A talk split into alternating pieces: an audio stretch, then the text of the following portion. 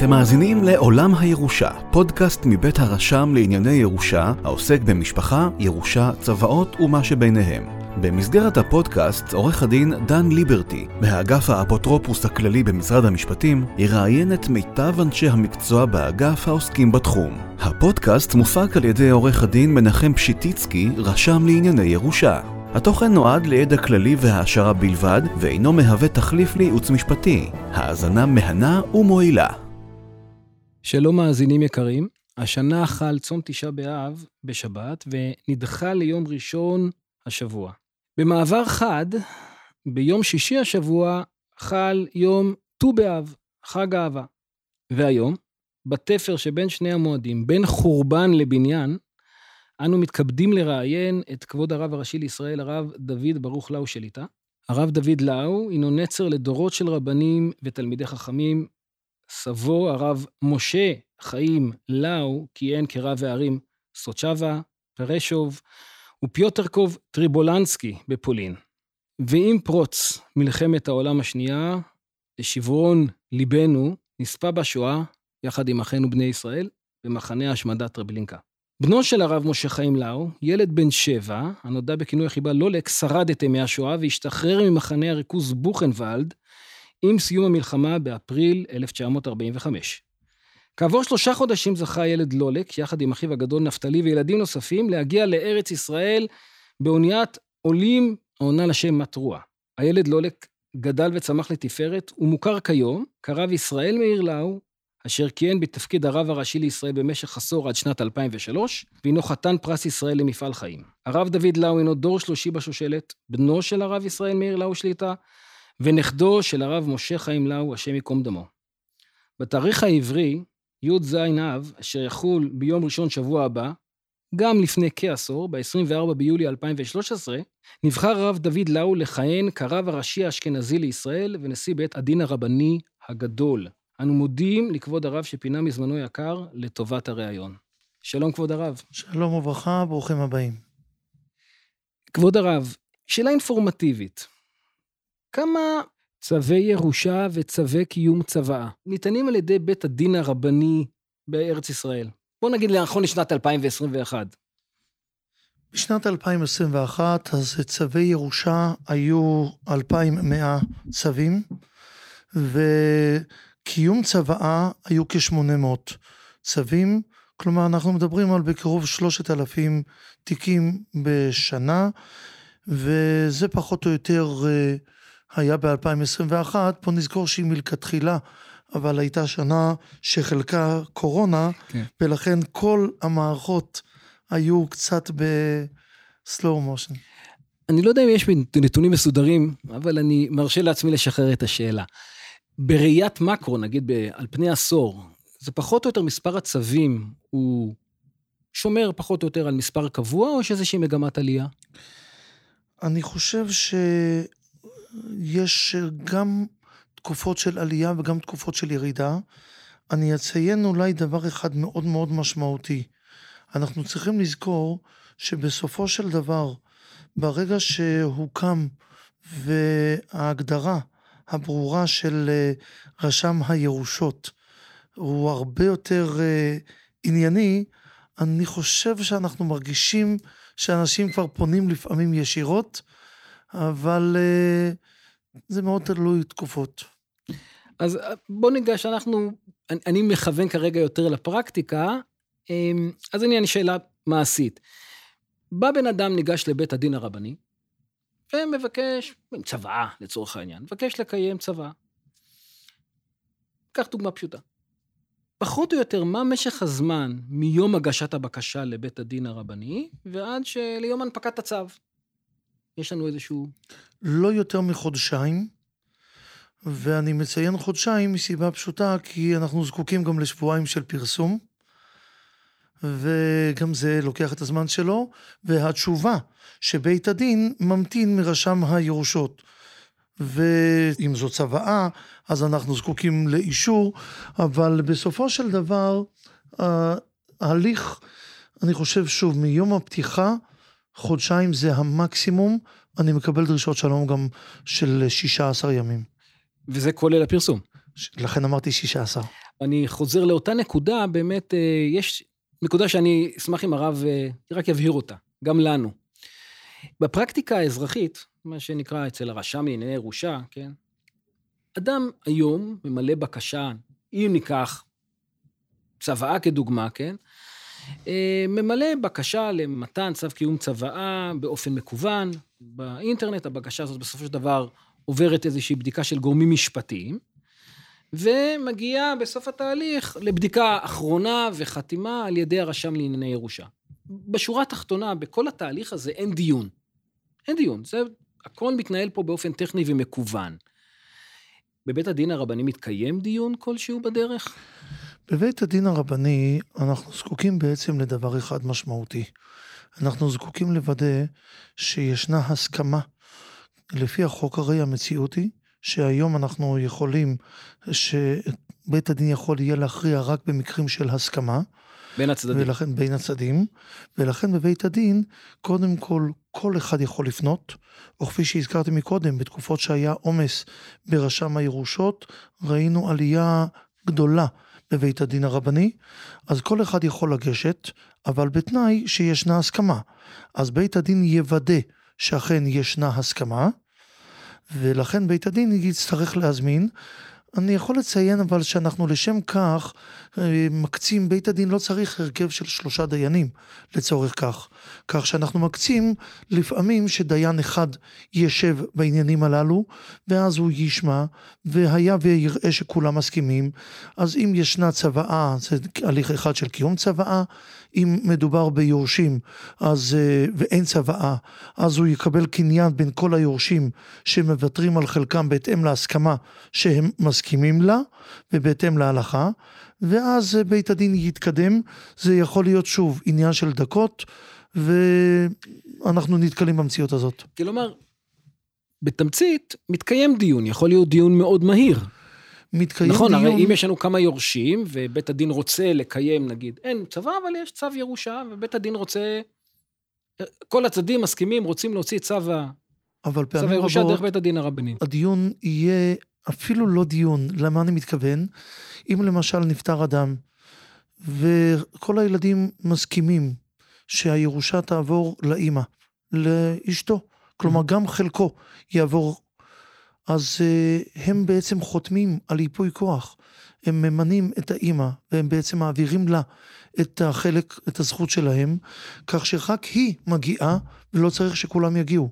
יכול להיות בייפוי כוח, לא תמיד צריך שכל היורשים יגיעו, אבל לכן כן, ישנו דיונון קטן במקרה כזה, שלרגע רק לוודא שהכל, כל הפרטים כהלכתם, הכל נעשה בצורה הזאת, ומי שמבקש דין תורה, מגיע לבית הדין הרבני, כי הוא רוצה לוודא שאכן הדברים כהלכתם. אז כאן באמת אני מרשה לעצמי אה, שאלה על אותו ציר. בוא, בוא ניקח מקרה קלאסי, כן, של אה, ישראל ישראלי שנפטר במילא את ימיו בטוב ובנעימים ועבר מן העולם, נניח מותיר אחריו אלמנה ושלושה ילדים, בואו נעשה את זה שני בנים ובת, כן, כמו... והוא לא כתב צבא. בפרקטיקה, נכון, האזרחית, המשפחה תגיש לרשם הירושה, בקשה לצו ירושה, לחלוקה שקבועה בחוק, ובהמשך, האלמנה תקבל מחצית, ושלוש הילדים יתחלקו במחצית הנותרת, כלומר כל אחד יקבל שישית. ועד כאן לא סיפרתי כלום, רק סיפרתי את מה שכתוב בחוק. אז השאלה הפשוטה, במידה ואותה בקשה מוגשת לבית הדין הרבני, התוצאה תהיה זהה? התוצאה בהחלט יכולה להיות זהה, אם כל היורשים יסכימו לזה. ובית הדין, אם כל היורשים מסכימים, יעשה קניין שכל אחד מקנה את החלק שלו אם יש לו זכות בדבר, וזאת תהיה בדיוק אותה תוצאה עם גושפנקה של בית דין רבני, של דין תורה. אז אני ממשיך באותו ציר. מה היחס של בית הדין הרבני לצוואה סטנדרטית שמונחת לפתחו? כשאני אומר צוואה סטנדרטית, אנחנו יודעים שישנה צוואה, מה שקוראים צוואה על פי ההלכה, שזה מתנה מחיים, אבל כולנו מכירים את הצוואות הקלאסיות, שבדרך כלל אנשים, מה אפשר לעשות? או הולכים לעורך דין, סלאש נטוריון, או שכותבים מכתב ידם, יש איזושהי צוואה. ועכשיו מניחים צוואה קשה כזאת לפתח בית הדין הרבני. אומרים, הסכמה, אנחנו מסכימים להידון פה, והנה הצוואה. איך, איך בית הדין הרבני מתייחס לצוואות, איך אומרים, רגילות, שהן לא מתנה מחיים, לא צוואות הלכתיות קלאסיות? אני שמח שהגדרת את המילה צבא הסטנדרטית, כי אני לא יודע להגדיר את המילה הזאת. השכיחה, אומר, השכיחה. אתה דיברת, זהו, כרגע על משהו שהוא מאוד שכיח, אבל uh, אני אציין פה כמה וכמה דברים.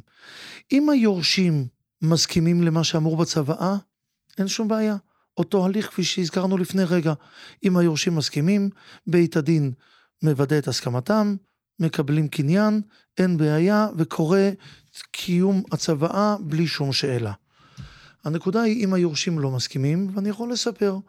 היה בבית הדין הגדול, הייתה בקשת רשות ערעור, היה בר בפניי.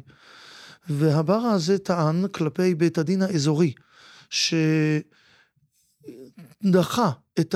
את הדיון בצו קיום צוואה, מכיוון שאחד מאלו שלא מוזכרים בצוואה, אחד היורשים שיכול על פי חוק לקבל, לא הוזכר בצוואה. אז הוא פנה לבית הדין האזורי לבוא ולדון. בית הדין אמר, ברגע שאחד מהצדדים מתנגד, אז אני לא יכול לדון בדבר. הגישו, המוטבים האחרים הגישו... אה, ערעור. ערעור, ברא, בקשת רשות ערעור. אה, ברא, אוקיי. ואני דחיתי את הברא הזו, אבל מסיבות ברובן טכניות. לא מסיבה הלכתית. כתבתי, ויש לי על כך אה, פסק דין, אבל איך אני אומר פעמים רבות עם חבריי להרכב, תראו, את פסקי הדין בואו נשמור לספר. בואו ננסה לעזור לאלה שעומדים לפנינו, ניתן להם מענה, ומבחינתי הצלחה של דיין היא בעובדה שהוא מצליח להביא את הצדדים להסכמה ולגמר ולסגירת התיקים, זה הרבה יותר טוב מאשר לכתוב הכרעה. קל לי לכתוב הכרעה.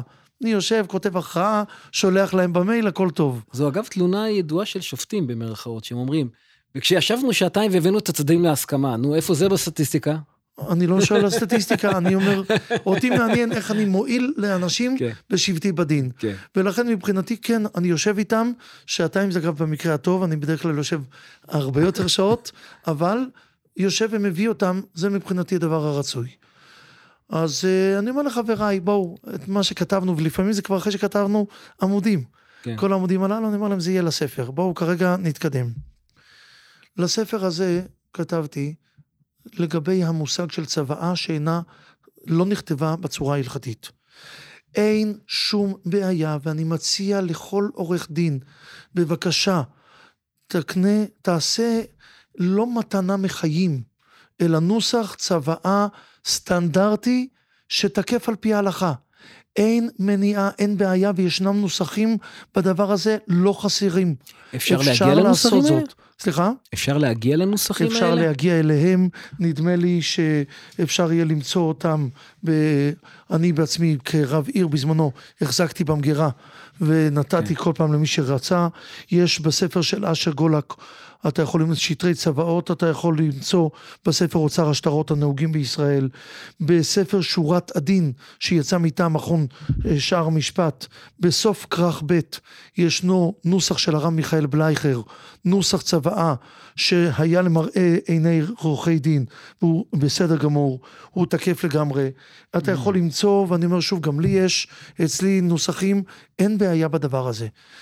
יתרה מזו, כאשר אדם כותב צוואה, והצוואה הזאת היא בעייתית מבחינה הלכתית, לעניות דעתי עדיין יש מקום לקיימה, ואני נשען על דברי האחייזר, רב חיים מויזר גרוזנסקי הרב מווילנה, שבוע שעבר היה יום פטירתו, והוא כותב, גם מכבר הייתי מצדד לומר, דהיכה שמי שציווה המת ליתן לו הוא מוחזק מטעם דינא דמלכותא בקיום הצוואה על ידי ערכאות, לא באינן הושלש מתחילה לכך.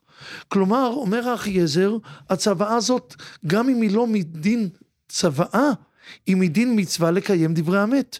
ולדעת אחיעזר הצוואה הזאת היא צוואה תקפה.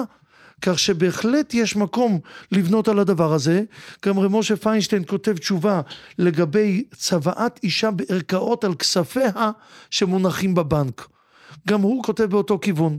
זאת אומרת, זה לא נכון לבוא ולומר שאם הצוואה לא נכתבה הלכתית, אז היא ממש לא תקפה. צריכים לבחון מה החסרונות שבה. אז כתבתי בנקודה הזאת. וכאן, אם יורשה לי, אני רוצה רק קצת גם להסביר. אם מדובר על כספים שמופקדים בבנק, קל לי הלכתית הרבה יותר לקבל את זה מסיבה פשוטה. כי זו הוראה של המצווה לבנק. והבנק, הרי יש לנו כלל בהלכה למשל של מעמד שלושתם. ובמעמד שלושתם, אם אנחנו נמצאים שלושה אנשים כרגע בשוק, לווה, מלווה ואדם שלישי. המחאת חיובים. המחאת חיובים, בדיוק כך, בהלכה שקדמה עוד להמחאת, לביטוי הזה, בהלכה הזאת אנחנו מוצאים את האפשרות. אני מצווה לבנק שבתאריך מסוים ייתן לאותו אדם. אז זה גם לקופות גמל, זה גם לבנק, זה גם חברות ביטוח. כלומר, הוצאנו אני... מערך שלם מתוך, בעצם, מתוך ה... במרכאות, מתוך העיזבון. הוא יכול להיות, כל המערך הזה שהוא חלקו הגדול, פעמים רבות. אני לא מדבר כרגע על נדל"ן, אבל חלק גדול מהכספים, כן, לא, אני לא חושב שמחזיקים, כן. בדיוק ככה, אני לא מחזיקים דווקא מתחת הבלטות, אלא כן. שם נמצאים הכספים, כך שזה קל לי הרבה יותר. אבל יש מקום לדון, לפי דברי אחי עזר שהזכרתי, גם במקומות שזה לא קיים, גם במקומות אחרים יש מקום לדון. כי מתנה מחיים היא בעייתית. כשאתה נותן מתנה מחיים, אם אני נותן, לצורך העניין, היום אני נותן מתנה מחיים. מה קורה עם סכום כסף שהרווחתי? זכיתי בלוטו, מחר אני זוכה. שנכנס בינתיים, כן. זה נכנס בינתיים. יש גם דברים, איך אני בדיוק מעביר אותם? חסכונות בבנק לצורך העניין, איך אני יכול לתת? איזה קניין חל על העברתם? כלומר, יש פה כמה וכמה דברים, מתנה מחיים היא מאוד לא פשוטה, אלא אם היא אכן נעשית בעניין של קניין אודיטה, בהודעה שאני מודה, הדבר אפשרי, הוא לא לא אפשרי. מורי ורבי הרב זלמן נחמיה גולדברג, זכר צדיק לברכה. הגרזן. ש... סליחה? הגרזן. הוא היה מיוחד במינו, בתורה, בהוראה, והוא ניסה תקופה ארוכה להחזיר מושג ושמו שטר חצי זכר. שכל אדם יכול יהיה, שכשהבעל חותם על כתובה לאשתו, אבא של הכלה יכתוב באותו מעמד, יחתום שטר חצי זכר, שהוא אומר שמתוך רכושו חייבים לתת לבת סכום גבוה, אבל אם הבנים ייתנו לבת חלק בירושה כמו שלהם, אז אין לה מחויבות כזאת, היא לא זכאית לאגורה, זו אינטרס שלהם לתת לה חלק כמותם. ואז בצורה הזו פתרנו את שאלת ירושת הבת, פתרנו כל כך הרבה שאלות, כי הם יורשים מדין תורה, והיא יורשת יחד איתם. כלומר, יש לנו מענה בהלכה. שאלת ביניים, אז למה זה לא נתפס? כי אנשים בדור שלנו, כשאומרים להם לחתום, כבר צריכים ללכת לשאול ולהתייעץ ולברר אצל עורך דין, ואנשים בדור שלנו, זה לא כן. פשוט, מה פתאום, איך אני אחתום, כן. אז וחבל. תביא לי טופס באפליקציה, כמו שאומרים. כן. כן. טוב, הנה שאלה. מבחינת האזרח, אם ככה, יש איזושהי עדיפות אה, לפנות דווקא לבית דין רבני? או ננסח את זה אחרת. באילו סיטואציות, נגיד, יבוא לידי ביטוי הבדל, אם בכלל קיים כזה, בין בית הדין הרבני, נניח שאנחנו מייצגים את הדין, דין תורה, לבין בית הדין האזרחי, כמו שהוא יוצג בחוק הירושה, באמצעות הרשם לענייני ירושה, והערכאות וכולי. יש... זה שני אפיקים מקבילים? יהודי שומר תורה ומצוות, אני חושב שמן הראוי שיפנה, וגם יהודי שאינו שומר תורה ומצוות לא יפסיד מזה שהוא יפנה לבית הדין הרבני, והכסף יהיה כשר על פי ההלכה, על פי החוק, לא תהיה שום מניעה, שום בעיה בצורה הזאת. להפסיד מלפנות לבית הדין אין שום הפסד. הרי בוא נזכור דבר אחד, בית הדין, גם אם ישנה התנגדות, בית הדין עשוי לקיים דיון, כי השאלה היא מה הנימוק להתנגדות. היו כבר מקרים שבית הדין אישר קיום צוואה, אחרי זמן התגלה מידע רלוונטי שבעקבותיו התקיים דיון מחודש על קיום הצוואה, כלומר גם כשישנה צוואה וגם כשאין צוואה, אלא יש הסכמה בין הצדדים, אז בסופו של דבר אני לא רואה מניעה שתהיה בדבר הזה, ואגב אולי זו הזדמנות ואתם מסייעים לי והיו לי לפה. מבחינת ההלכה, טוב שאדם יכתוב צוואה. זה נכון מאוד, אדם יכתוב צוואה, יגלה דעתו, טוב מאוד שיעשה זאת בצורה שהוא יעשה זאת, רק שיוודא שהוא אכן כותב זאת הלכתית וחוקית נכון, אבל זה מונע הרבה חיכוכים, מחלוקות. אני לא יכול להבטיח שלא תהיינה התנגדויות אחרי שישנה צוואה, אבל לפחות זה יהיה כיוון דרך שניתן יהיה לומר לילדים, זה מה שאביכם ביקש, אנא כבדו אותו. הרב חידד נקודה, גם עבורנו, הרי בהסבר המקובל או בידע השכיח, אנחנו אומרים, במקרה שיש התנגדות, נניח בפני בית דין הרבני, בית דין הרבני מעביר את זה, אומר, סליחה, התנגדויות לא אצלי, הלאה. איך אומרים? לבירור בבית המשפט לעניין המשפחה. אבל הרב בהחלט מחדש לנו שגם כשיש, פתאום מתעוררת התנגדות, לפני שמשגרים את, ה, את התיק ומעבירים אותו לערכאה אחרת, מנסים קודם כל לדבר עם האנשים, הרי הסוף כל סוף התיק נמצא בבית הדין הרבני. אני צודק? פעמים רבות זה כך, שברגע שישנה התנגדות, אז שואלים, אבל uh, בית הדין בדרך כלל לא מתחיל לדון כשירושה. מה שהזכרתי זה בקיום צוואה, לא בירושה. כן. כשישנה ירושה בלי צוואה, אז אם אין לי הסכמה של כולם, בית הדין לא נכנס לזה. הוא לא, לא נכנס יכול... בכלל. לא, על פי החוק לא, הוא לא נכנס לא לזה. לא נכנס בכלל. כל הסמכות של בית הדין היא רק כשאין התנגדות. כל מה שדיברתי זה רק כשיש צוואה, ואכן אני ממליץ, שוב, צוואה זה דבר נכון. תראו, בצוואה פעמים רבות אנשים גם מוסיפים אה, נתונים נוספים, ופונים אל הבנים שלהם, לילדים, להתנהג כך, להתנהג כך. אין פה תוקף הלכתי, אבל אה, אני חושב שזה מאוד מרגש, מאוד מיוחד, וכדאי אה, בכל זאת לראות זאת. הרב, אני רק אומר שבמסגרת הפודקאסט יש לנו פרק שנקרא צוואה כהזדמנות לאהבה. והוא באמת מדבר על הדברים האלה. שזו הזדמנות גם... ברור שכיוונתי. אנחנו כיוונו. טוב, שאלה נוספת על הציר המשפטי. בסעיף 155 לחוק הירושה, יש סעיף מוכר שהוא מקנה, מחלק את הסמכויות, בוא נאמר, באמת המשפט האזרחי לבית הדין הדתי, ואומר שלבית הדין הרבני יש, במקרה הזה הרבני, יש שיפוט אה, במידה וכל הצדדים הנוגעים בדבר הביעו בכתב הסכמתם לכך. עכשיו, אני שואל, עכשיו פרקטית, עוד פעם, אנחנו חיים בתוך עמנו, אה, מציאות שלנו מורכבת, תמיד תהיה, הייתה מורכבת וכנראה שתישאר מורכבת. ובוא ניקח דבר שנקרא ידועים בציבור. יש דבר מוכר, כולם פוגשים את זה. אז כשאנחנו לוקחים את הביטוי הזה, הצדדים הנוגעים בדבר, פתאום בא הידועה בציבור ויש לה התנגדות, ויש מעמד, איך, איך בית הדין הרבני מתייחס לתופעה המאוד שכיחה הזאת? תראה, בסוגיה הזו של ידועה בציבור, אנחנו צריכים לראות זה נכון, הכנסת פה אה, מין דרך עוקפת לדין תורה, שמקנה, בעצם החוק בכנסת, מקנה לאישה שמדין תורה אינה זכאית, כי דין תורה לא מאפשר לה להתחתן לפי חוקי המדינה שהם אה, חוקי התורה, הוא מקנה לה זכויות כספיות שהן בעצם מקבילות. זה לא פשוט. גם אה, כהן למשל שנשוי לגרושה, מקבל זכויות של ידועה בציבור. אה, גם אישה נשואה שהלכה, היא לא קיבלה גט מבעלה, והיא חיה עם אדם אחר באיסור. זה איסור מאוד חמור. והיא זוכה מבחינת החוק כידועה בציבור של אותו אחד שעובר ביחד איתה על ההלכה איסור חמור של אשת איש.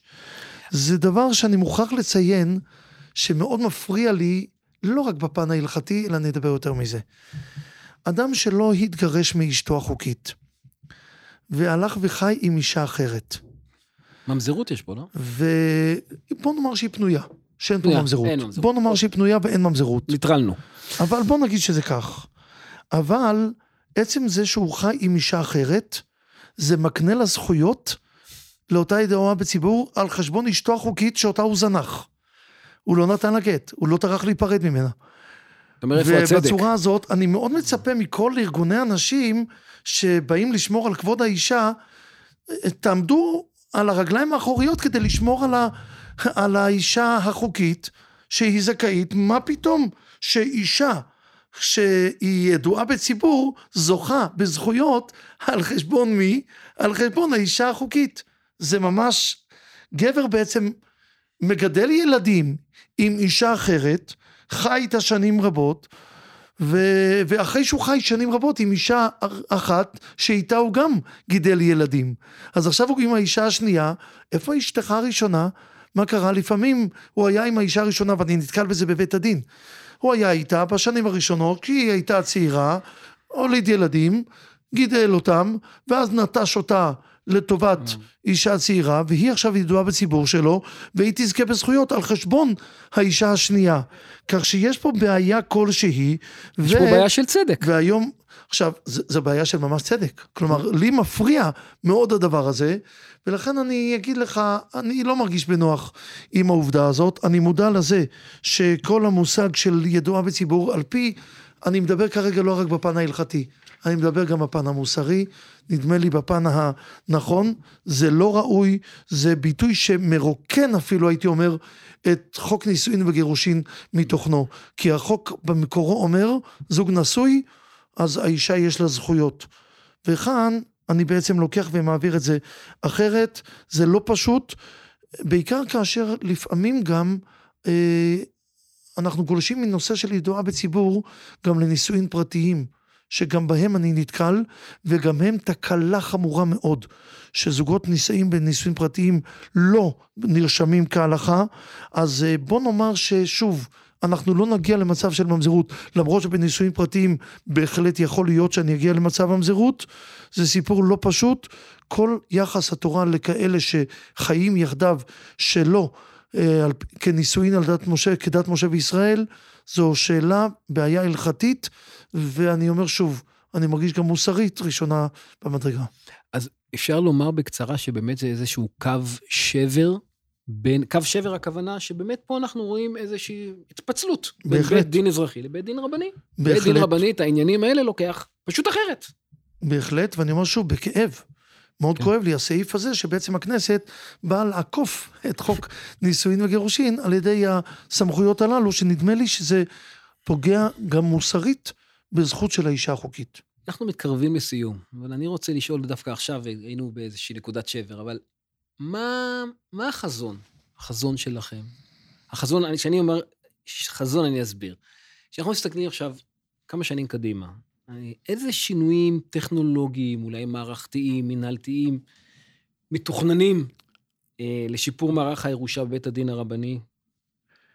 בעשור הקרוב לפחות, בוא נגיד. תראה, אתה מדבר על ירושה, אני יכול לציין דבר אחד. אה, הפגישה שלפניך, ישבתי עם מנהל בתי הדין, הרב אליהו בן דהן, וכבר מהיום שהוא נכנס לתפקידו, אני מנסה לקדם את זה איתו. מערכת בתי הדין היום עובדת במערכת שירה, שהיא הייתה טובה מאוד לשעתה, אבל מאז שהיא הוקמה, כבר חלפו 15 שנים, ובתחום הטכנולוגי 15 שנים זה לא שנות דור, זה כן, דורות כבר... רבים. כן.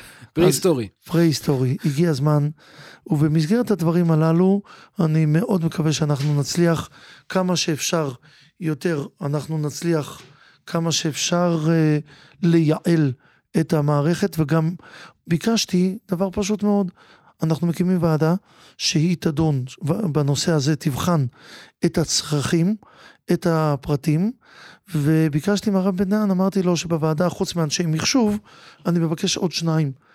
נציג הדיינים שהם משתמשים, ונציג עורכי הדין שהם משתמשים לא פחות. שהוא יבוא ויגיד, אני כעורך דין, אני רוצה, ואנחנו נחפש בוועדה הזו לייעל במקסימום האפשרי. כל דבר שרק ניתן יהיה לעשות, לבצע אותו כדי לחסוך. אנחנו עושים זאת בדברים אחרים, אם הזכרנו מקודם שנכנסים לאתר ונרשמים, אני יכול אולי לתת כדוגמה. היום כשאדם פותח תיק במערכת המחשובית לבירור יהדות, מקסימום של פניות כעבור 28 ימים כבר יש לו מענה, מבחינתי זה הרבה. זה יותר מדי. יותר מדי. בסדר? אבל uh, אנחנו בדבר הזה, אמרתי לו, זה המקסימום, מזה חייבים לרדת. זאת אומרת, אני רוצה להגיע גם בתחום הזה, לראות איך אנחנו יכולים לשלב ידיים, תחום הטכנולוגי, תחום המשתמשים, שיבוא עורך דין ויגיד, אני, זה היה עוזר לי לו הייתי יכול כך וכך. בוא נראה איך לממש את זה. אני מאוד מקווה שנצליח לתת תשובות טובות, כי בסופו של דבר כיום יש ממשק בין בית הדין לאפוטרופוס הכללי, הבקשה מועברת במיידי, והתשובה מתקבלת בהקדם, ולכן שים לב שכשציינתי את מהלך הזמן, ציינתי יותר את השבועיים פרסום, כן, יותר מאשר... מאשר החלק הטכנולוגי. כבוד הרב, תודה רבה. למדנו הרבה, השכלנו. באמת שנזכה לבשורות טובות. אמן, ושנצליח לסייע לאנשים. אמן ואמן. תודה. תודה שהייתם איתנו בעוד פרק של עולם הירושה, פודקאסט מבית הרשם לענייני ירושה, העוסק במשפחה, ירושה, צוואות ומה שביניהם. אתם מוזמנים להאזין לנו בכל אפליקציית פודקאסטים שאתם אוהבים. להתראות בפרקים הבאים.